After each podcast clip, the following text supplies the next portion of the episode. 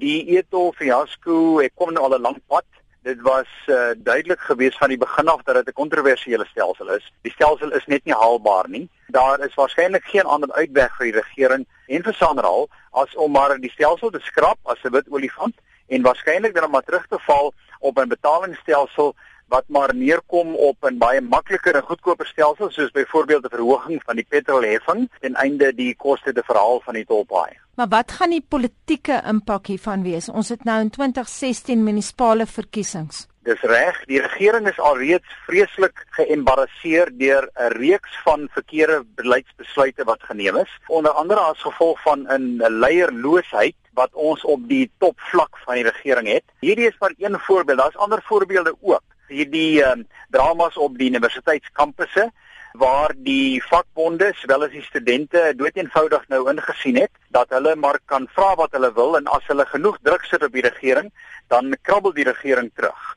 So die alliansie tussen die studente, die vakbonde en al die aktiviste wat teen die etol betalingsstelsel is, as ook die vakbonde wat betrokke was by die regering in die salaris en loononderhandelinge waar hulle iets soos dubbelsyfer verhogings gekry het terwyl daar nou blykbaar nie geld is om aan arm studente te gee nie. Al hierdie faktore kumulatief en gesamentlik gaan 'n baie negatiewe impak waarskynlik hê vir die regerende party in die verkiesing.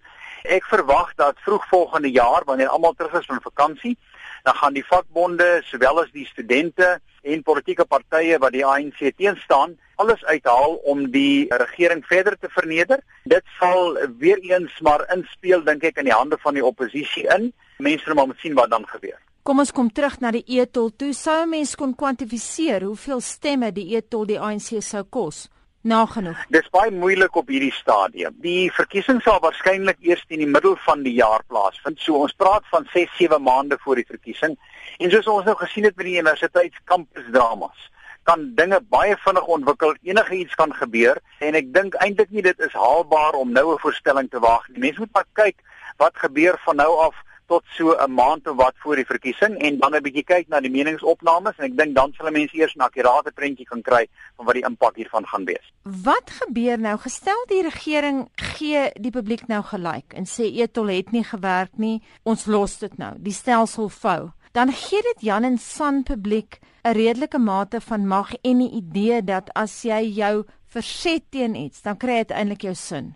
'n soort van 'n leidelike verset wat werk. Heeltemal reg, veral wat die aktiviste betref. Kan hulle nou sien dat die oomblik as hulle hulle stem dik maak, hulle brand 'n paar karre uit, hulle brand 'n paar geboue af, dan is die regering geneig om toe te gee. Dit is 'n baie baie slegte presedent vir goeie regering in die land. Dit kan op die ou end 'n anargistiese situasie veroorsaak waarin die legitimiteit en die gesag van die regering ontken word deur die bevolking waar ons ongelukkig sal daal na 'n situasie toe wat ons in baie Afrika lande sien naamlik waar daar interne onregeerbaarheid is en waar sekere gemeenskappe of sekere sektore so onregeerbaar word dat die regering eintlik maar net 'n regering in naam is verder. Dit is 'n baie groot risiko vir ons en dit sal natuurlik ook 'n dramatiese negatiewe impak hê op die ekonomie en die sosiale en politieke stabiliteit in die land. Is daar lesse vir die ANC te leer uit die Etol fiasco? Baie duidelik meen ek behoort hulle die lesse te leer